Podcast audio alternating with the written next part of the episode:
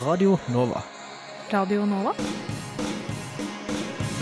Du hører nå en podkast fra Radio Nova.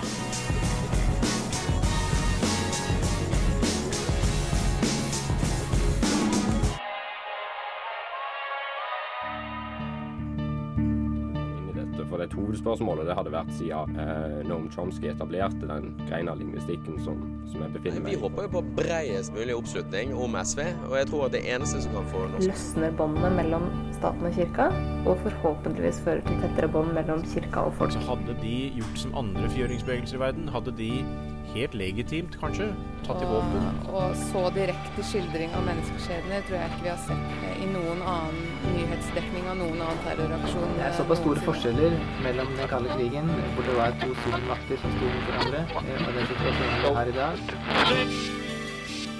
Du hører på samfunns- og aktualitetsmagasinet Opplysningen 99,3 på Radio Nova. Opplysningen 99,3 på Radio Nova.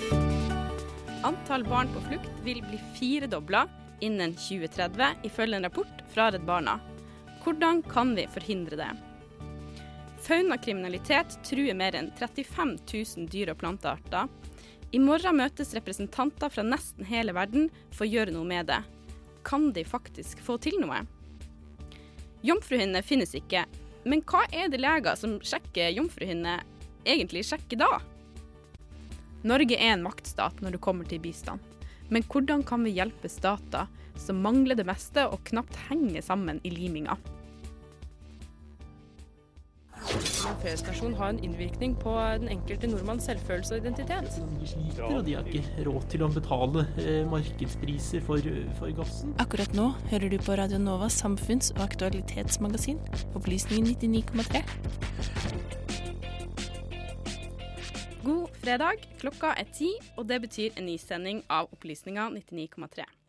I tillegg til sakene du nettopp hørte, skal vi få ukas opplysning om pandaer, som ikke lenger er utrydningstrua. Men la deg ikke lure, det betyr ikke nødvendigvis at det står så veldig bra til med dem likevel. Jeg er Hanne Kielland Olsen, og aller først i dag skal vi snakke om barn på flukt. Redd Barna ga nylig ut rapporten 'Forced to Flee', som viser hvordan antallet mennesker på flukt kommer til å firedobles innen 2030. Halvparten av disse vil være barn, og situasjonen for dem er spesielt ille. Halvparten av alle barneskolebarn som er på flukt, rundt 16 millioner barn, går ikke på skole. For barn i ungdomsskolealder er situasjonen enda verre. Kun én av fire får noen form for undervisning. Nå etterlyser Redd Barna handling fra verdens ledere. Og med oss i studio for å snakke om det akkurat det her, har vi Gry Ballestad, nødhjelpssjef i Redd Barna. Velkommen. Takk skal du ha. Ifølge rapporten deres legger 24 mennesker på flukt hvert minutt. Det er nesten 100 mennesker bare siden sendinga starta.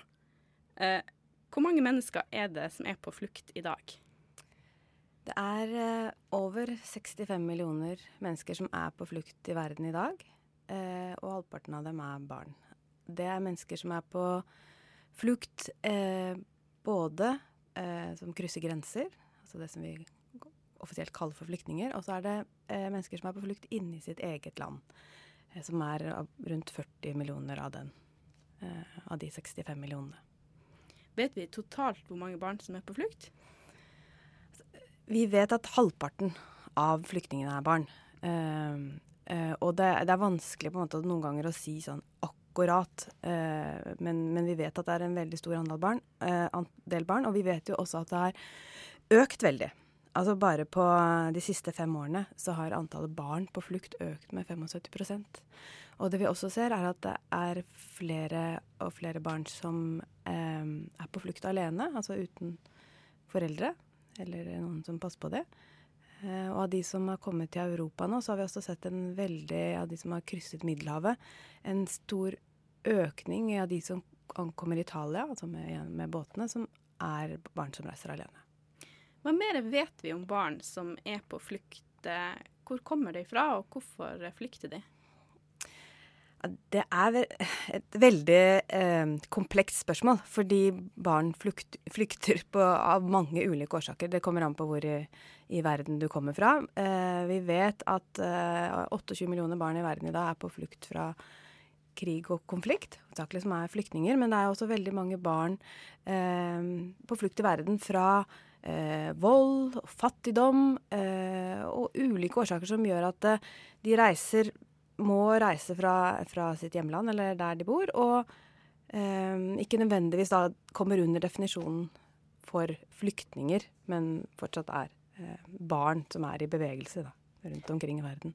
Du sa det var en økning i barn som, reist, som er på flukt uten foreldrene sine. Mm. Vet man hvor mange det er?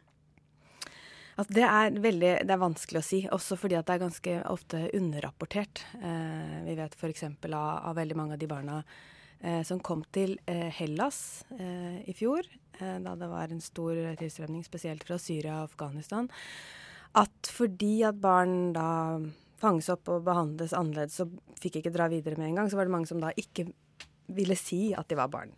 Og oppga en da en høyere alder. Eh, og om du reiser alene eller ikke reiser alene, er også er ikke alltid så lett å se. For det, det, er ikke alltid man klarer å fange opp hvem man drar sammen med. Så det, det er mange mørketall her. Men det vi vet, er at eh, det øker. Eh, og vi vet at barn på flukt, og da spesielt barn som reiser alene, er spesielt sårbare. Både for uh, hva de, opplever underveis, for uh, utnyttelse, for overgrep eh, og menneskesmuglere. Hvem er det som har ansvar for barn som er på flukt? Det har vi jo alle sammen. Eh, og det er jo diskusjoner nå i FNs generalforsamling og en eh, høynivåkonferanse på, på flyktninger i New York som diskuterer jo nettopp hvordan vi skal forholde oss til denne store økningen i antall flyktninger, eh, og, og, som vi vet også kommer til å øke framover. Eh, og det er mange ting her. Altså, vi barn som er på flukt, har rettigheter på lik linje med alle andre barn, eh, men de oppfylles i, mye, i mye mindre grad. Eh, og det er alles ansvar, både vi som tar det imot, eh, men også å gjøre noe med årsaken til at det flykter. Hvis økninga i antall flyktninger fortsetter, vil antall barn på flukt kunne firedobles. Og med barn og voksne blir det totalt 263,5 millioner mennesker på flukt. Halvparten av dem blir barn, og det er jo bare helt utrolig mange mennesker. Er det, er det sannsynlig at det kommer til å øke så mye? Altså, det er de utregningene vi har nå, basert på slik verden ser ut nå. Eh, så ting kan jo forandre seg. Altså, så jo, jeg kan jo ikke sitte og si nå at det er det som kommer til å skje. Eh, men det vi sier, er at hvis vi ikke gjør noe, så er det det som kommer til å skje. Eh, og derfor er det viktig at vi handler nå, og ikke venter til vi kommer dit. Hvordan brytes barn som er på flukt, sine rettigheter?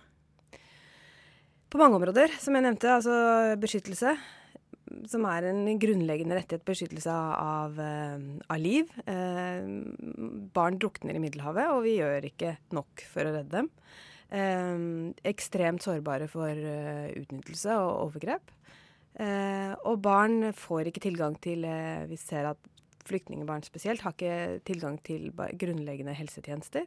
Som gjør at de blir, får ikke den medisinske hjelpen de trenger når de blir syke. Og også, som du nevnte tidligere, at de ikke eh, går på skolen. At det er så mange flyktningbarn som faller utenfor skolen. Hvis man ser på flyktningebefolkningen under ett, da, eh, hvis man tenkte at det var et land i verden, eh, så ville det vært eh, en av verdens 21 eh, største land. Eh, og ville da vært et av landene i verden hvor lavest andel går på skole. Eh, og det har jo utrolig store konsekvenser både for barnas liv og framtid, men også om de skal returnere for, til der de kommer fra. Sånn som f.eks. Syria, da, som var et land hvor nesten alle barn gikk på skole eh, og fikk en utdannelse. Og nå er det over halvparten som ikke går på skolen. Eh, og man kan jo bare se for seg, nå har det gått mange år, ikke sant? over fem år. Hva skjer når de skal tilbake en gang? Som vi, både de og alle håper at skal være mulig. Da går det fra et land som var høyt utdanna, gode helsetjenester i et land som egentlig står ganske på bar bakke. Hva gjør verdenssamfunnet for barn som er på flukt? Hva vi gjør? Ja, altså vi, vi, gjør jo noe, men vi gjør langt fra nok, er vel egentlig det vi sier. Og vi prøver jo, altså det er jo derfor vi har et, møte sånn som du har i, i, FN nå, for å diskutere hvordan kan vi håndtere dette bedre. Eh, men fra Redd Barnas side så synes, ser vi jo at debatten ofte går mer på hvordan holde dem ute enn faktisk løse eh, problemene og løse årsakene til at, at barn havner på flukt. Altså For aller helst så vil vi jo både vi og de, at, ikke, at de ikke skal slippe å flykte. Det er, jo, det er jo veldig få barn som har lyst til å bryte opp fra det som er kjent og nært, og det som er eh, der du kommer fra. Eh, så det ideelle er jo at vi får gjort noe med de grunnårsakene til at, at barn flykter. Og så gjør de jo det, og da er vi nødt for å se på de systemene vi har for å fange dem opp underveis.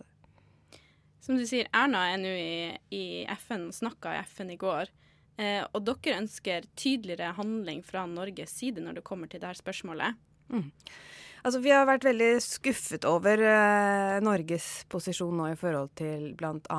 Å, å fengsle barn som er på flukt. Eh, at ikke Norge har eh, tatt et mye sterkere og tydeligere standpunkt mot.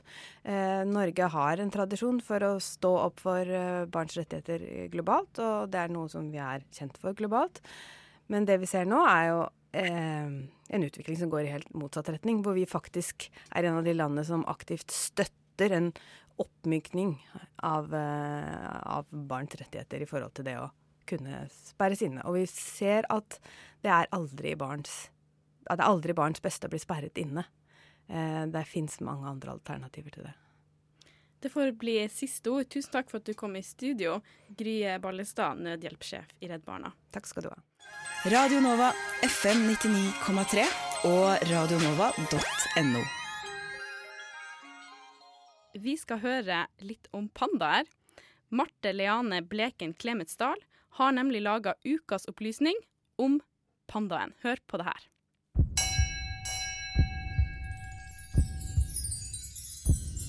Ukas opplysning. Som en liten dyreglad jente fikk jeg høre at pandaen var utrydningstruet. Jeg ble trist, frustrert. Om x antall år kom pandaen til å være borte fra vår jordklode. Det er derfor at jeg i dag kan fortelle deg med glede at pandaen ikke lenger er utrydningstruet.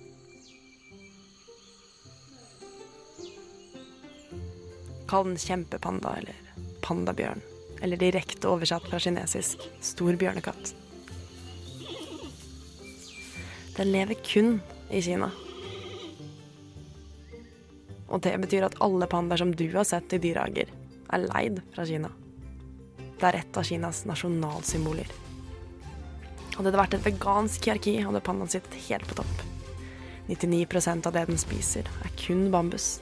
Den bruker opptil 16 timer hver dag på å spise. Det er ikke så mye næring i bambus, og den må spise opptil 32 kilo bambus hver dag for å holde seg gående.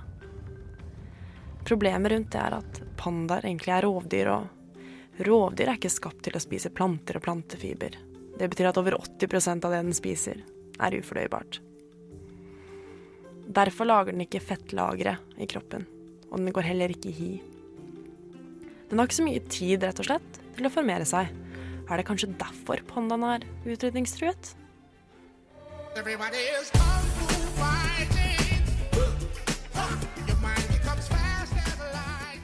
I 1960 ble Kina klar over hvor store problemer det fantes rundt pandaer.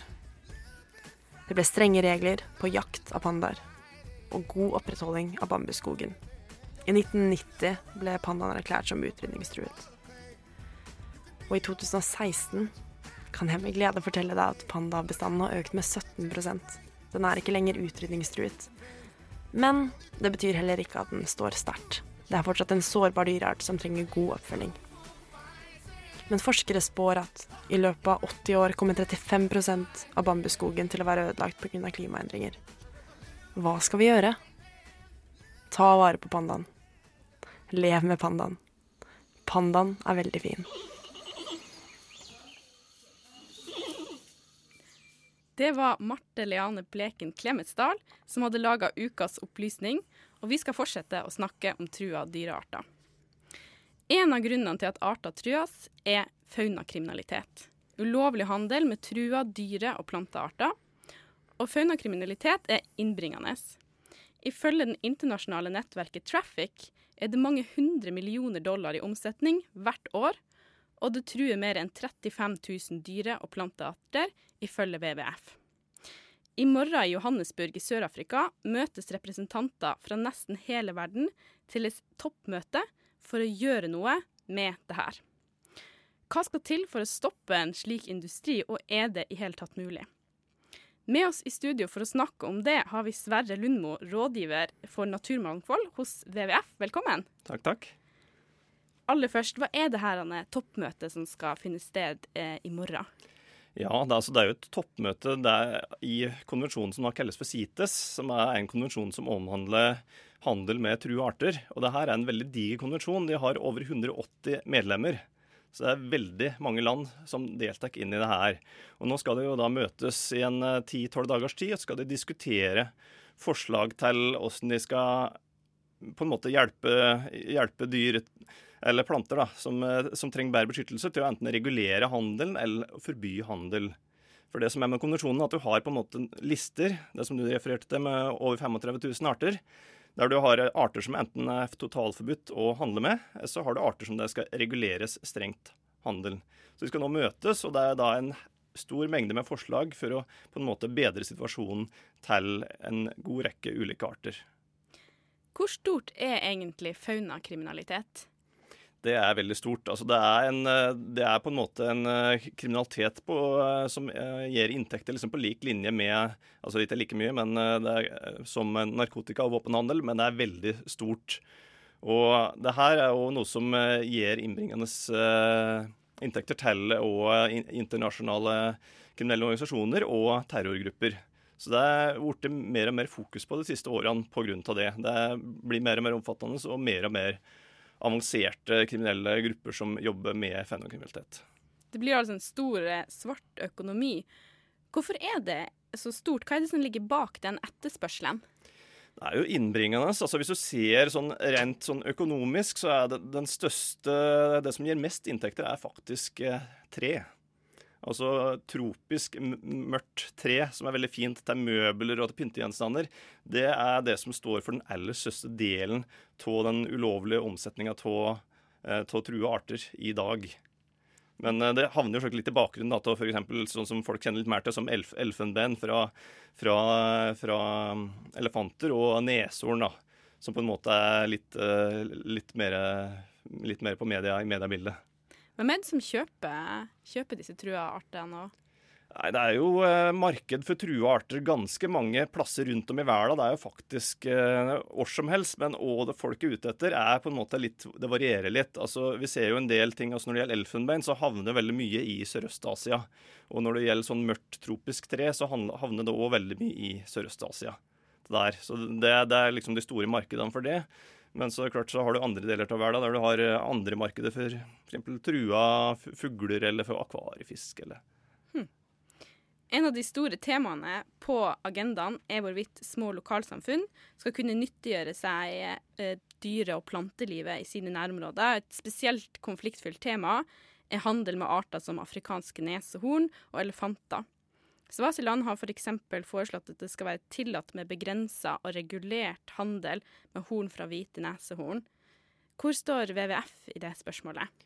Akkurat når det gjelder neshorn, så er WWF imot. For det, WWF mener at det her er ikke veien å gå. på en måte oppmuntre, altså Det er allerede et veldig hardt trykk på på eh, etterspørselen etter neshornhorn, men å åpne opp for litt handel er ikke det som vil gjøre det bedre. Og det her er nok òg et forslag som de aller, aller fleste land er veldig sterkt imot.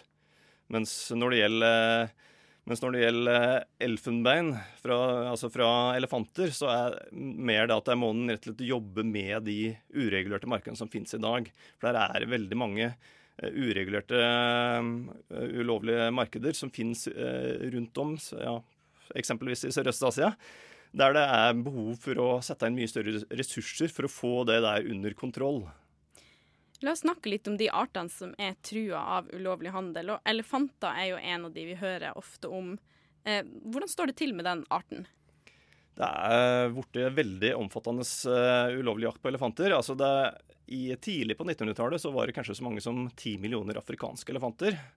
Og den siste rapporten som kom nå for ikke så veldig lenge siden, sa at det er kanskje til mer enn 350 000 elefanter. Afrikanske elefanter. Så den har gått kraftig tilbake. og uh, Det er en av de artene der det er mm, en høyest, en av de pattedyrartene der det er størst ulovlig jakt på nå i dag, da. Så den, eh, det, går, eh, det går ikke så bra med elefanten. Og, er, og, vi ser jo det at det kommer stadig vekk veldig store beslag av elfenbein. Og USA hadde jo nylig så innførte jo de et tilnærmet forbud innenlands i USA for å eh, omsette produkter av elfenbein. Vi har jo visst veldig lenge at elefanten trues av krypskyting. Hvorfor er det så vanskelig å gjøre noe med det? Nei, altså det er jo Den finnes jo litt sånn spredt rundt om i ulike land i Afrika. Det er ofte, og Noen plasser så finnes da i områder der det er, altså det er jo mye fattigdom, det er korrupsjon, det er dårlig, det er kanskje vanskelig å overvåke verneområdene. Samtidig som da de gruppene som er ute etter eh, elefantene, blir stadig mer avanserte. De kan ta i bruk droner for å finne elefanter, eh, helikopter for å inn og ut. Eh, bare for å få tak i elefanter og stikke igjen. Så, det så det er liksom et ressursspørsmål og et økonomispørsmål. Så er det andre arter som man kanskje ikke har hørt så mye om, som er trua av ulovlig handel. Har du noen eksempler på det? Ja, da kan vi jo ta pangolin, eller skjelldyr. Det er en veldig sånn festlig sak. Utrolig søte dyr. Litt sånn som en sånn derre Hvis du ser for deg sånn liten maursluke med litt sånn pukkelrygg, og så hele kroppen dekka med sånne skjell. Med sånne, altså Nærmest som en slags kroppspanser. Og Hvis den blir trua, så kan den rulle seg sammen til en ball. Utrolig fin liten sak, eh, men samtidig det pattedyret som er mest utsatt for eh, sånn ulovlig handel. Hvorfor det? Ja, altså, Den er jo en sånn eh, liten, fin liten sak som er godt beskytta, men det gjør jo at den kanskje blir litt lett å jakte på. Den er ettertrakta for kjøttet. altså I tillegg så er det da en oppfatning, i hvert fall i Sørøst-Asia, nok en gang, at de, sjøl de skjellene som den har på kroppen, de har medisinske egenskaper. Så det gjør jo at det blir en ganske stor etterspørsel. Og den pangolinen, eller skjelldyret, den fins jo Det fins flere arter i Asia. Og alle de er nå så trua at de er på forbuds, eh, at det er enten på forbudslista eller like før de skal innpå der. Samtidig så har du òg noen arter som finnes i Afrika, som ikke er så trua, men det fryktes på en måte at etterspørselen vil på en måte vris over fra det asiatiske til det afrikanske. Så Der er det nå forslag om å få de inn på forbudslista, i tillegg for å unngå at de blir utsatt for den samme liksom, overut, overutnyttinga. Nettopp. Og norske arter finner vi også på denne CITES-lista. Hvilke da, og hvorfor er de der? Ja, det er jo arter som har vært utsatt for menneskelige etterstrebelser. kan Du si. Altså, du har jo f.eks. Eh, havørn og jaktfolk og vandrefolk. Det er jo arter som har vært veldig sånn utsatt for samlere, altså samling av egg eller av unger eller til fjør eh, tradisjonelt, og de står jo der. I tillegg til at hvaler De aller, aller fleste hvalene er jo inne på de listen, fordi at de har vært bortimot utrydda i tidligere tider. Så er, du har jo en del eh, Du har jo litt arter, men det er klart eh, my, mye av arten er jo klart mer tropisk-subtropiske trøkk. Men du har, jo, du har jo noen som eh, er i norske, norske områder òg, da. Så ulv og bjørn nå er jo regulert på den lista her. Hvilke resultater ønsker dere i WWF å se etter dette møtet? Ja, altså det som er at det blir jo Den konvensjonen her, den har jo et ønske om å jobbe med stadig et bredere område og liksom kunne bruke enda mer ressurser. Og Det som WWF er bekymra for, er jo at det er for lite liksom, økonomisk støtte til konvensjonen til å jobbe med det her og få fram gode resultater, få til samarbeid mellom landene, og for å få implementert liksom, eh, lovverk. Eh, for sånn, det, er jo sånn som at den Konvensjonen er jo, den er jo frivillig å bli medlem av, men det er jo veldig mange som er medlemmer. Og når du først er blitt medlem, så må du på en måte tilpasse lovverket ditt slik at det er i tråd med konvensjonen. Og der er det en vei å gå for, for at en del land trenger liksom å bedre lovverket sitt. Men ikke minst så må det, må også settes, iverksettes eller implementeres. Altså du faktisk gjør det du skal i henhold til loven, så du, eh, så du sørger for at det ikke er uregulerte markeder, og sørger for at det ikke er korrupsjon som fører til at det blir en svartebørshandel knytta til det der. Så det, det trengs en del ressurser for å få ting på plass. Så både lovverk og penger trenger å komme, nå framover. Til slutt, tror du at uh, dette møtet vil få noen faktiske konsekvenser? Ja, altså det har jo vært en del uh, Fra det siste forrige toppmøtet så har det vært en del lyspunkter, i motsetning til hvordan det har vært tidligere. Spesielt det med elfenben. Det har blitt mye mer fokus på hvordan du skal slå, slå ned på ulovlig elfenbensomsetning. Og det her ser vi jo resultater til nå, men det er jo klart det er noe som må fortsettes i samme sporet framover. Så det, det, det, er definitivt lyspunkter. Så vi nå håper jo at, uh, håper jo at de støtter opp om uh, best mulig beskyttelse for de trua artene. Møtet starter altså i morgen og varer fram til 5. oktober. Vi får håpe at de kommer frem til gode løsninger, og ikke minst at det bidrar til å kjempe faunakrim bekjempe faunakriminalitet. Takk for at du kom i studio, Sverre Lundemo, rådgiver for naturmangfold hos WWF. Radio Nova, FM 99,3.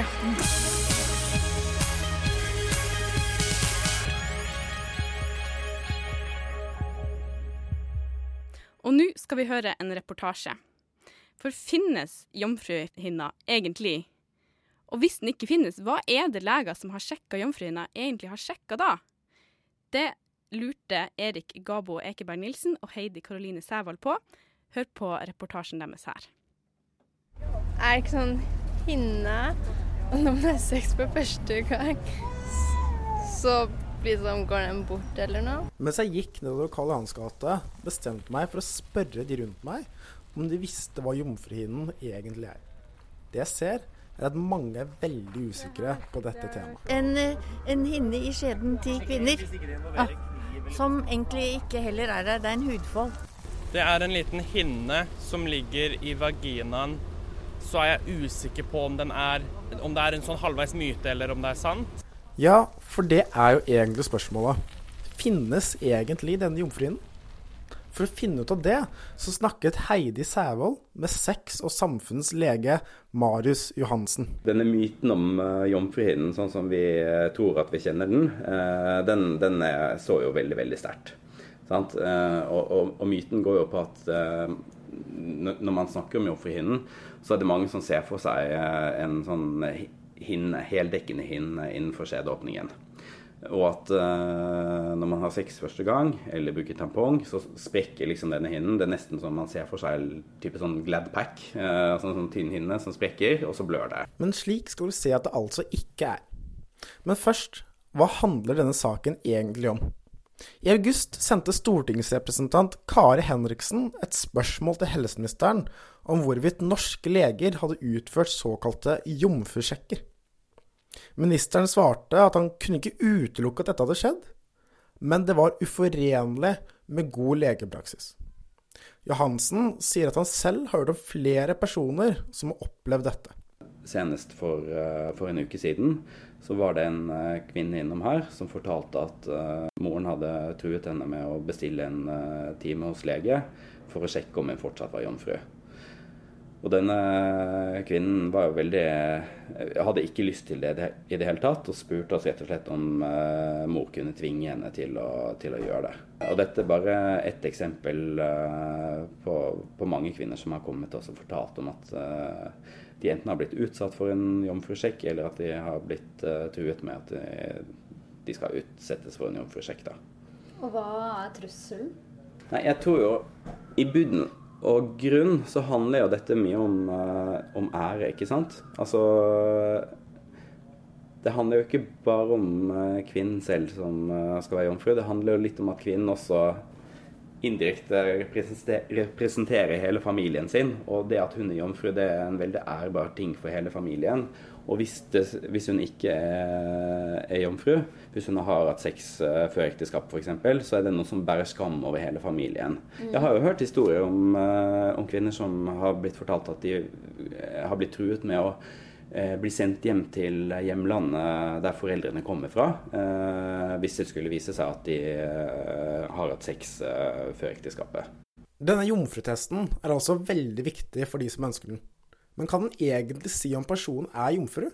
Og hvis ikke, hvorfor velger legen å gjennomføre den? Eh, når en kvinne kommer til legen, så vil denne legen eh, gjøre en gynekologisk undersøkelse. Vil si at legen, pasienten sitter i en gynekologstol, og så vil legen se på underlivet, ta kjønnsleppene fra hverandre. og så det man feilaktig tror, da, det er at legen da kan se om det er en jomfruhinne som er skadet eller ikke. Og sånn fungerer det jo ikke. Og hvorfor noen leger gjør dette, eh, er jo et annet veldig godt spørsmål. ikke sant? Eh, jeg tror nok at mange leger har gått med på å gjøre undersøkelser av kvinner. Og så eh, skriver de en attest på at kvinnen ikke har hatt sex. Selv om det er medisinsk umulig å, å, å skulle, si, skulle, si, noe sånn. Eh, rett og slett fordi at de tenker at de kan hjelpe kvinnen ut av en eh, veldig vanskelig situasjon. Har du vært borti noen tilfeller hvor de har skrevet noe annet? Nei, det har jeg ikke hørt om, faktisk. Det har jeg ikke hørt om. Så det er på en måte forklaringen på at norske leger går med på dette her? Det virker litt absurd for oss i ja, utgangspunktet? Ja, jeg tror, jeg tror, at legene rett og slett gjør det for å gjøre kvinnen en tjeneste. Men det de samtidig også gjør, de, de gjør jo en meningsløs undersøkelse. Og hvis eh, det er snakk om en ung kvinne, eller uansett om kvinnen ikke vil, så er det også et overgrep. Eh, for da gjør man eh, en undersøkelse som er unødvendig, og som kvinnen ikke ønsker. Og så gjør man på en måte hele samfunnet en bjørnetjeneste, fordi man eh, er med på å gjøre en handling som sementerer denne her myten om at jomfruhinnen finnes, og at man kan se, se, på Man kan undersøke en kvinne og se om hun har hatt sex eller ikke. Og det er jo feil. Vi er jo ikke så glad i å kalle, kalle det for jomfruhinne. Eh, det fins et medisinsk eh, ord som heter hymen, som er det medisinske ordet på jomfruhinne. Og Det er vi heller ikke sånn superglad i, så, så det vi gjerne sier her på, på Sex og samfunn, det er skjedekransen.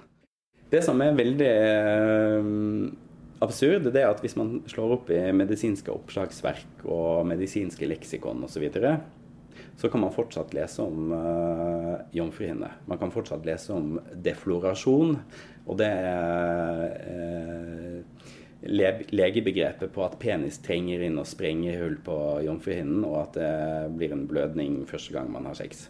Så disse mytene sant, de lever jo i beste velgående videre også i, uh, i litteraturen, uh, i medisinsk litteratur. Dessverre. Som myteknusing, ja, det må jo til uh, i det offentlige rom, sånn at du og jeg og alle andre får vite om det. Men det må jo også i aller høyeste grad inn i eh, eh, utdanning og undervisning av helsepersonell. Og så må vi få rettet opp i disse gamle mytene i bøker og oppslagsverk. Mm. Og det at man nødvendigvis blør første gang man samleier, samleie, det er jo også en annen myte. Eh, for det viser seg at eh, sånn er det ikke. Det er gjort litt forskning på det, ikke mye faktisk. Men eh, de, de eh, få undersøkelsene som er gjort, de viser at noe sånn som mellom 40 til 55 ca. Eh, har blødd første gangen de har hatt samleie. og det viser jo at det faktisk kanskje er vanligere å ikke blø enn å blø første gangen du har samleie. Og så, så, har man prøvd å, å finne ut uh, hva er årsakene da, til at noen blør første gang de har samleie. Og det er nok uh, ganske sammensatt. Men vi vet jo at noen jenter blør første gangen de har sex. Om dette ikke er jomfruhinnen, hva er det i så fall? Eh, veldig mange som skal ha sex for første gang, de eh, kan grue seg eller de kan spenne seg, sånn at de kanskje ikke blir eh, ordentlig seksuelt opphisset og at ikke de blir våte nok. Og Da blir det friksjon. ikke sant? Da vil det bli små, små rifter og skade i skjeden. Og de kan blø. Og det kan like gjerne være et annet sted i skjeden som akkurat uh, i skjedekransen. Uh, så det er ikke sånn at det nødvendigvis er det vi kaller jomfruhinna eller skjedekransen hvor blødningene kommer fra. Det kan også bli små rifter andre steder. Så det er veldig mange ulike årsaker til at man kan ha blødning første gang man har samleie. Eh, samtidig som eh, det kanskje er enda vanligere å ikke ha blødning eh, ved første samleie som å ha blødning. Så der har vi altså svaret.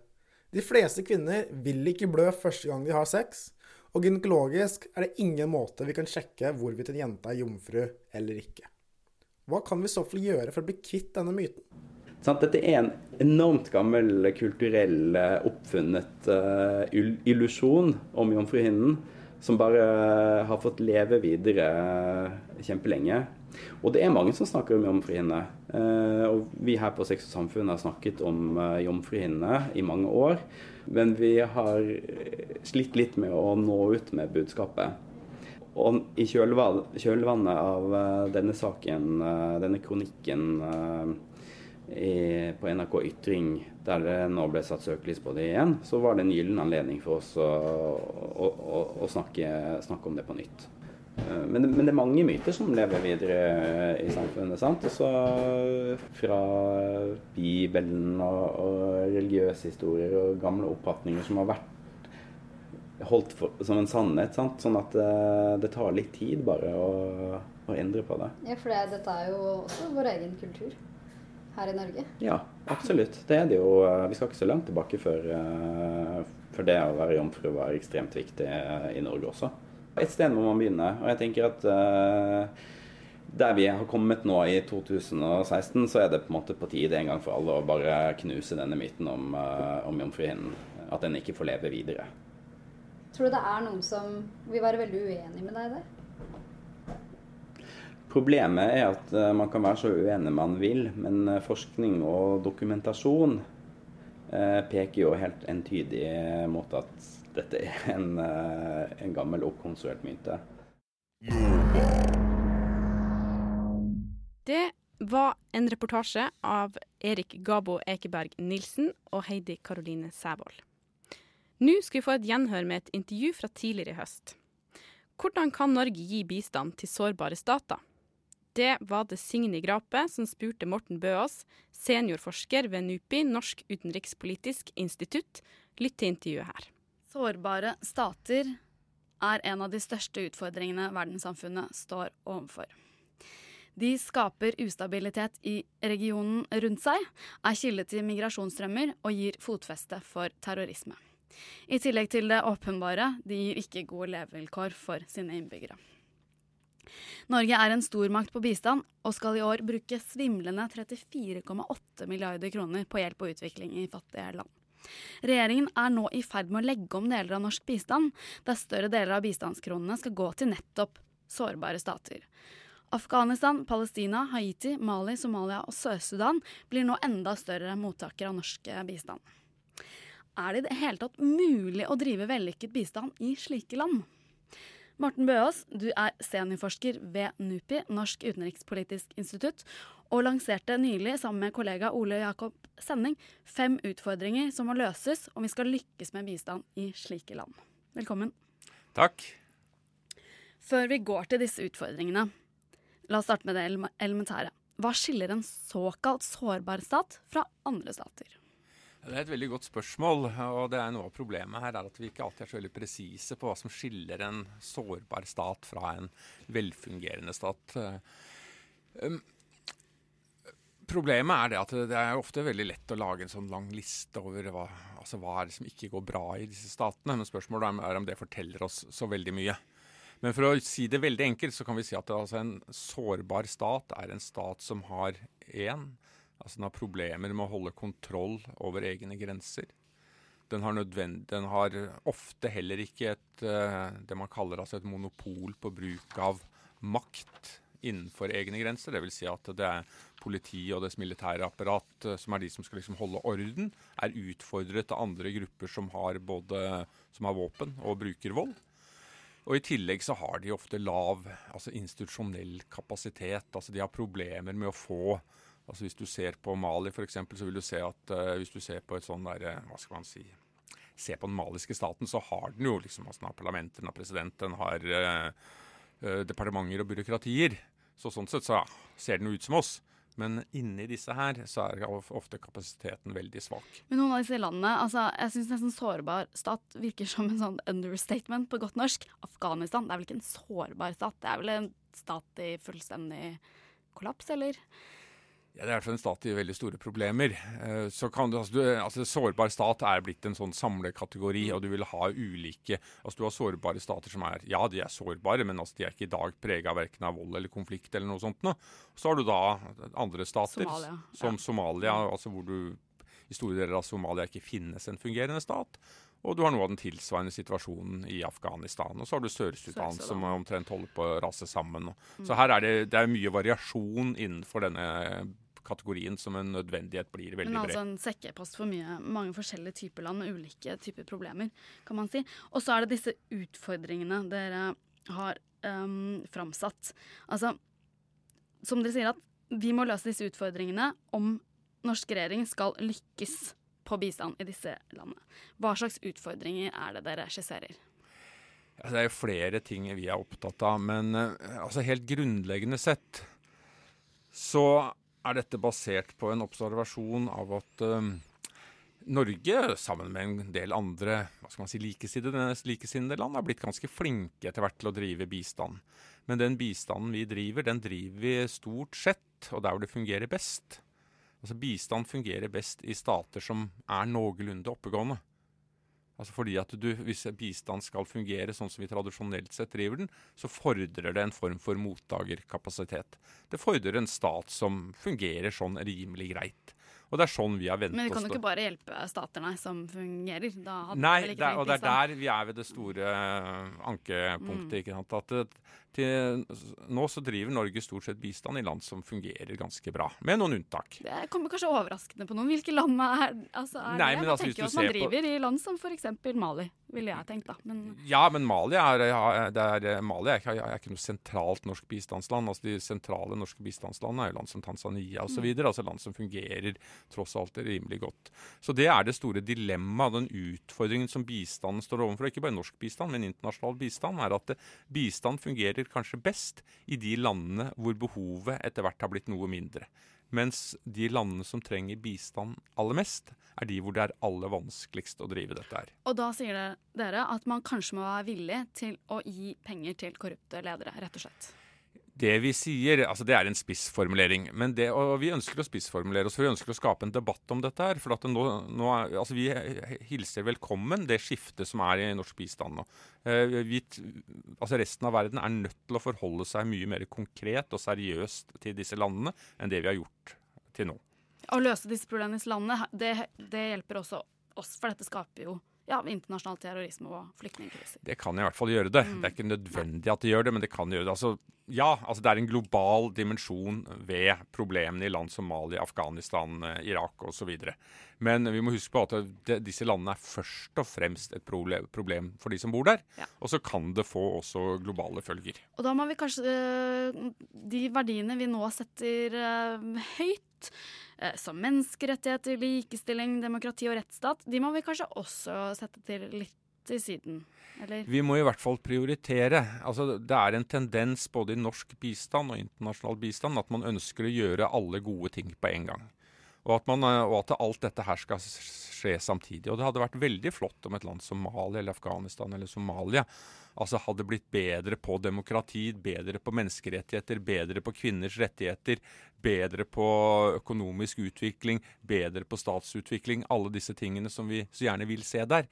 Men sannsynligheten for at vi kommer til å se at alt dette skjer på én gang i løpet av en to, tre, fire, femårsperiode, er veldig liten.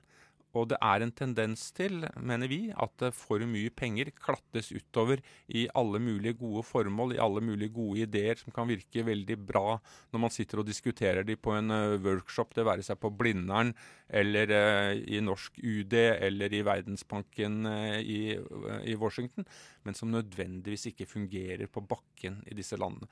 Derfor, så hvis vi ønsker å gjøre en forskjell her, så er det to ting vi først og fremst må gjøre. Det ene er prioritering. Man må prioritere noen få oppgaver. Og da mener vi at det gir mer mening og når vi ser på disse landene, som Mali, som Somalia, og ser på hva er det faktisk som fungerer her. Og støtte opp under det som faktisk fungerer, og prøve å styrke det. Framfor å være ensidig opptatt av alt det de ikke er. De er ikke bra på menneskerettigheter, de er ikke bra på kvinners rettigheter, de er ikke bra på barns rettigheter. Hel haug av ting de ikke er bra på. Men vi kan ikke fikse alt dette på en gang. Vi må sørge for å støtte opp under noen få prioriterte områder. Det er det ene. det andre er er Og der kommer dette med korrupsjon inn. Mm. Altså Jeg er ingen tilhenger av korrupsjon. Men poenget vårt er veldig enkelt at eh, hvis vi skal jobbe konkret på bakken i land som Mali, Mali som, og Somalia og alle disse andre, så må vi bare innse det. At det er umulig å finne en aktør som faktisk betyr noe, som er en potensiell endringsaktør, som ikke på en eller annen måte også er implisert i den skitne politiske økonomien som virker og fungerer i disse landene. Og Det er vi bare nødt til å ta inn over oss. Og så må vi ha gode politiske og økonomiske analyser hvor vi velger ut hvor vi skal sette inn disse innsatsene. For vi må finne noen å jobbe med. Altså Vi kan ikke redde Mali uten å jobbe sammen med maliere. Det er helt umulig. Og skal vi få til noe i Mali, så må vi jobbe sammen med noen som faktisk har makt. Så gjenstår det å se om Børge Brende faktisk lytter til uh, ja, rådene deres. Tusen takk til deg, Morten Bøas. Du er altså seniorforsker ved NUPI. Radio Nova FM 99,3 og radionova.no. Og det var Signe Grape som gjorde det intervjuet. Det var så langt eh, vi kom i dagens sending. Hvis du vil høre noen av sakene på nytt igjen, så finner du Opplysninger 99,3 på iTunes, Soundcloud, Facebook og Twitter. Bidragsytere til dagens sending har vært Marte Leane Bleken Klemetsdal, Tom Henrik Monsen, Erik Gabo Ekeberg Nilsen, Tora Bjørke Sandberg, Emilie Skogstrøm og Heidi Karoline Sævold. Tekniker var Henrik Slåen. Jeg er Hanne Kjelland Olsen. Du har hørt en podkast fra Radio Nova. Likte du det du hørte? Du finner flere podkaster i iTunes og på våre hjemmesider radionova.no.